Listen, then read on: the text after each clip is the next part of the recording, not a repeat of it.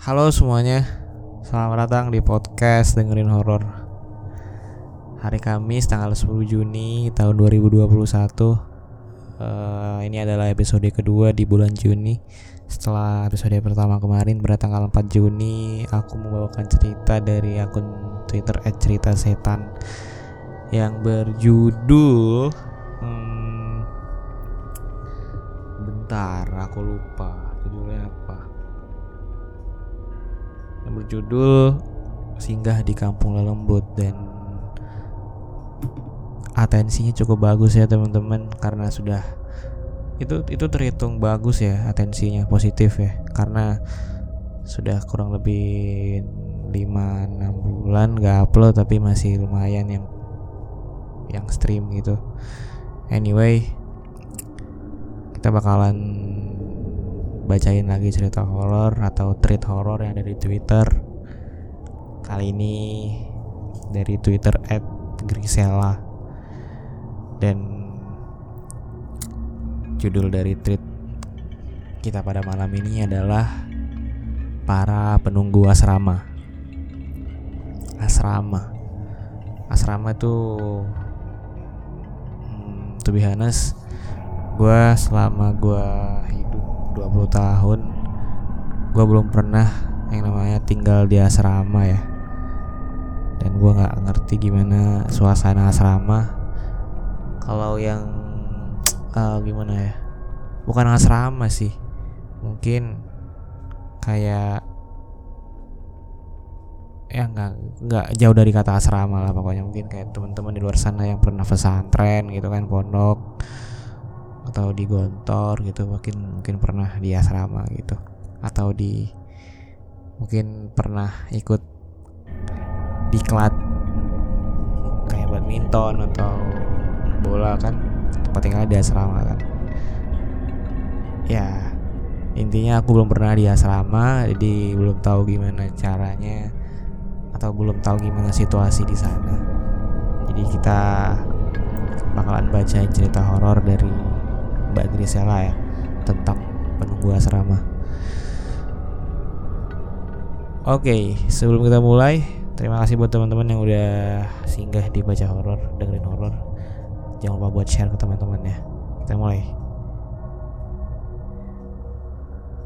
Ini point of view-nya dari si penulis atau si uh, writer atau yang cerita namanya Zea. Hai nama saya Zea. Dan hari ini saya akan menulis atau menceritakan sebuah pengalaman horor yang saya alami di asrama. Awalnya saya memutuskan untuk pindah ke asrama dikarenakan ibu saya yang ingin menjadikan saya anak yang mandiri. Sebenarnya saya sempat takut karena jauh dari lingkungan keluarga. Bahkan saya sempat berdebat dengan beliau. Tapi untungnya hari pertama berjalan dengan sangat baik.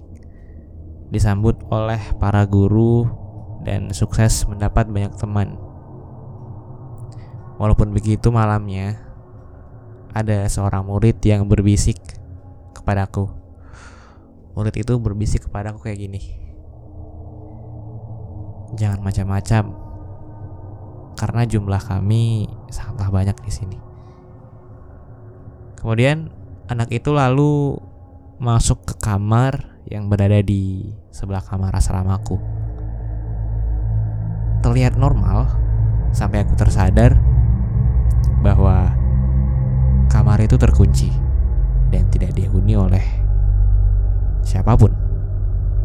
Dalam arti aku bertemu dengan salah satu penghuni asrama itu. Dan semua kejadian-kejadian aneh pun dimulai dari sini. Kejadian aneh yang pertama yaitu suara merdu dari kamar sebelah. Jadi sebelum menceritakan, saya ingin memberitahu sedikit gambaran tentang denah kamar asrama saya. Jadi setiap kamar diisi oleh empat orang. Terus dua orang tidur di kasur tingkat sebelah kanan dan sebelah kiri. Dan lemari berada di pojok. Pojok kanan dekat pintu. Kala itu, kami sedang begadang untuk mendiskusikan tugas matematika yang tidak kami pahami. Lalu tiba-tiba kami mendengar suara nyanyian perempuan dengan suara yang sangat merdu. Awalnya kami mengabaikannya karena kami pikir kalau lagu itu dinyanyikan oleh musyrifah atau penjaga asrama tadi. Sampai kami tersadar bahwa nyanyian itu berasal dari kamar sebelah kami yang tak berpenghuni. Kemudian salah satu teman saya pun akhirnya memberanikan diri untuk mengetuk dinding. Terus setelah mengetuk dinding tadi teman saya ngomong, Kak, Assalamualaikum, ada orang? Ia bertanya hanya untuk memastikan jika suara tersebut memang bukan berasal dari musyrifah. Dan benar, ia tak mendapatkan jawaban karena nyanyian itu langsung terhenti setelah ia mengetuk dinding kamar sebelah tadi. Sebenarnya saat semua sudah tertidur, saya sempat terdengar atau mendengar suara tangisan perempuan yang berasal dari kamar kosong tersebut. Namun saya tidak pernah membicarakan hal itu karena tidak ingin membuat rumor yang aneh. Toh, saya juga anak baru di sini. Tapi anehnya, suara tangisan gadis tadi itu menemani saya hingga saya lulus gitu. Terkadang ia menangis, bernyanyi, namun tak jarang juga ia kerap mengaji dengan suara yang amat merdu. Sampai kadang aku sendiri insecure. Masa suara saya kalah bagus dengan suara hantu tadi. Ada rumor yang mengatakan bahwa gadis tersebut adalah korban penindasan yang bunuh diri di sana. Karena itulah kamar tersebut tidak dihuni. Namun sampai detik ini tidak ada yang benar-benar tahu alasan mengapa kamar tersebut tak boleh dihuni. Kemudian keanehan yang kedua yaitu mengenai tentang penghuni toilet. Jadi kejadian ini terjadi pada malam hari saat saya sedang menemani teman saya untuk pergi ke toilet. Kala itu saya sedang menunggu teman saya. Sebut saja namanya Nelly. Nelly memintaku untuk pergi menemaninya ke toilet. Namun aku tidak masuk ke dalam hanya menunggu di luar. Sampai akhirnya, aku memutuskan untuk masuk setelah mendengar bel atau mendengar Nelly sempat berbicara kepadaku beberapa kali. Aku memutuskan untuk masuk karena aneh nih tiba-tiba Nelly berusaha ngomong padaku. Saat mencoba masuk, diriku terkejut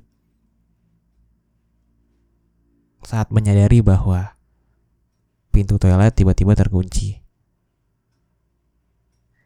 Nel, ngomong apa sih? Ngomong sama siapa?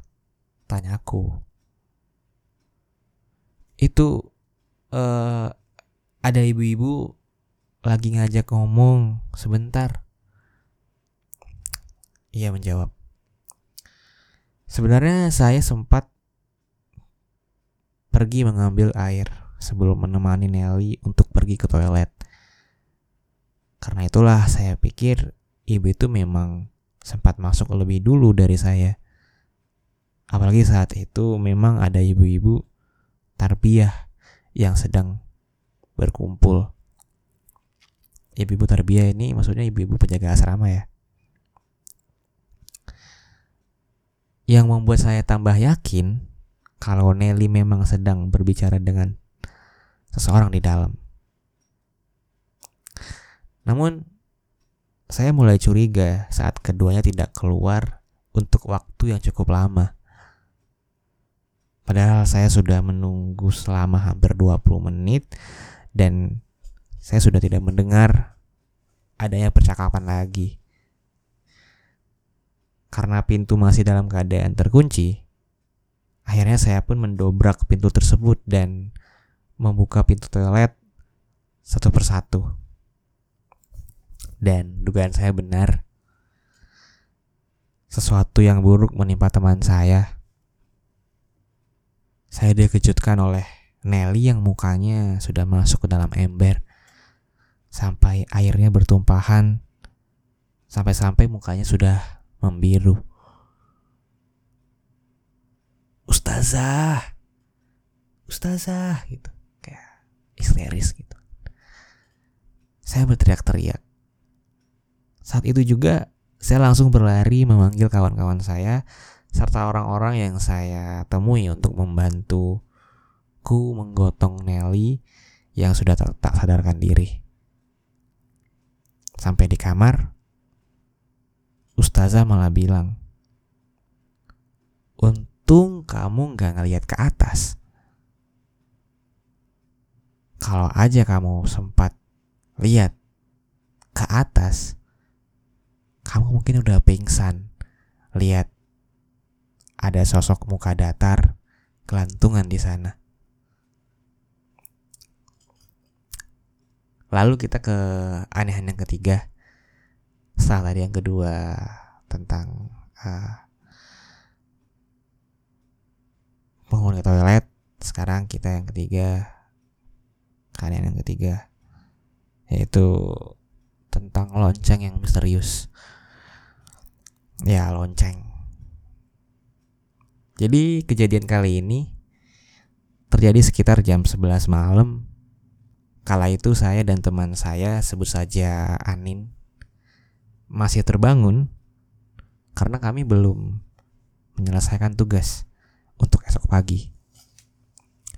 Kemudian di sela-sela mengerjakan tugas, tiba-tiba saja kami mendengarkan suara langkah kaki seorang beriringan dengan lonceng yang dibunyikan.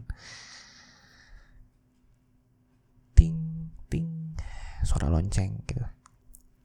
Lonceng itu berbunyi lalu berhenti tepat di kamar sebelah yang tak berpenghuni. Kami yang mendengar suara lonceng tersebut tentu saja kebingungan. Namun kami tidak terlalu menghiraukan hal tersebut karena kami harus cepat menyelesaikan tugas itu. Keesokan harinya, saya dan Anin menceritakan hal ini kepada teman kami yang lainnya dan ternyata semuanya mengaku mendengar hal yang sama pada saat itu juga. Walaupun begitu, tak ada satupun orang yang mempunyai lonceng di dalam sekolah ini. Jadi kayak sebuah anomali yang dinotis oleh penghuni asrama tadi atau anak-anak asrama tadi.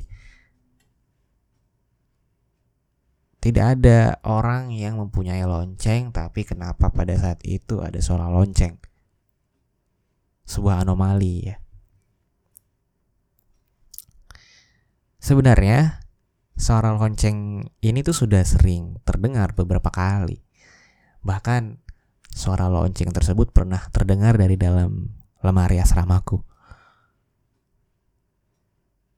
Dan faktanya lemari asrama kami itu hanya berisi baju dan peralatan sekolah. Kan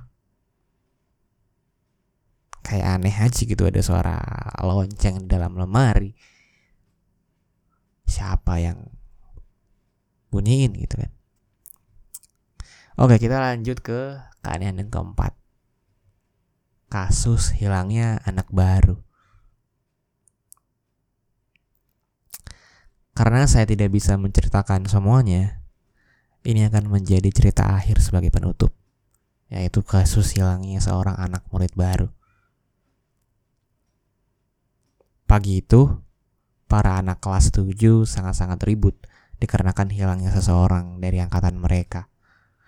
Guru-guru yang mendengar hal itu pun tentu panik.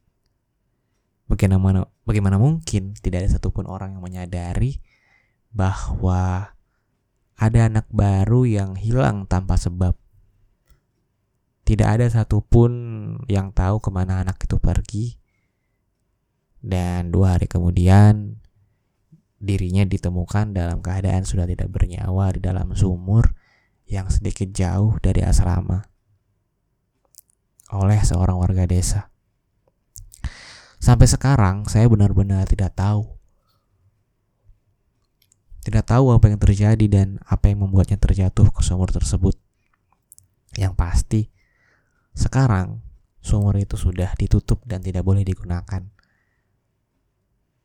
Sebenarnya masih banyak hal yang terjadi selama saya menetap di asrama, mulai dari yang menyenangkan sampai menyeramkan. Banyak memori yang tersimpan di sana. Dan itu saja kisah dari saya. Terima kasih yang sudah membaca. Tamat. Dan itu adalah akhir dari penghujung episode dengerin horor pada hari Kamis tanggal 10 Juni kali ini. Aku Iksan mengucapkan terima kasih sudah mendengarkan sampai habis. Jangan lupa buat share ke teman-temannya. Follow Spotify podcastnya. Follow akun Twitter follow akun Instagram kami baca horor. Terima kasih, aku pamit undur diri. Sampai jumpa lagi di episode berikutnya. Bye bye.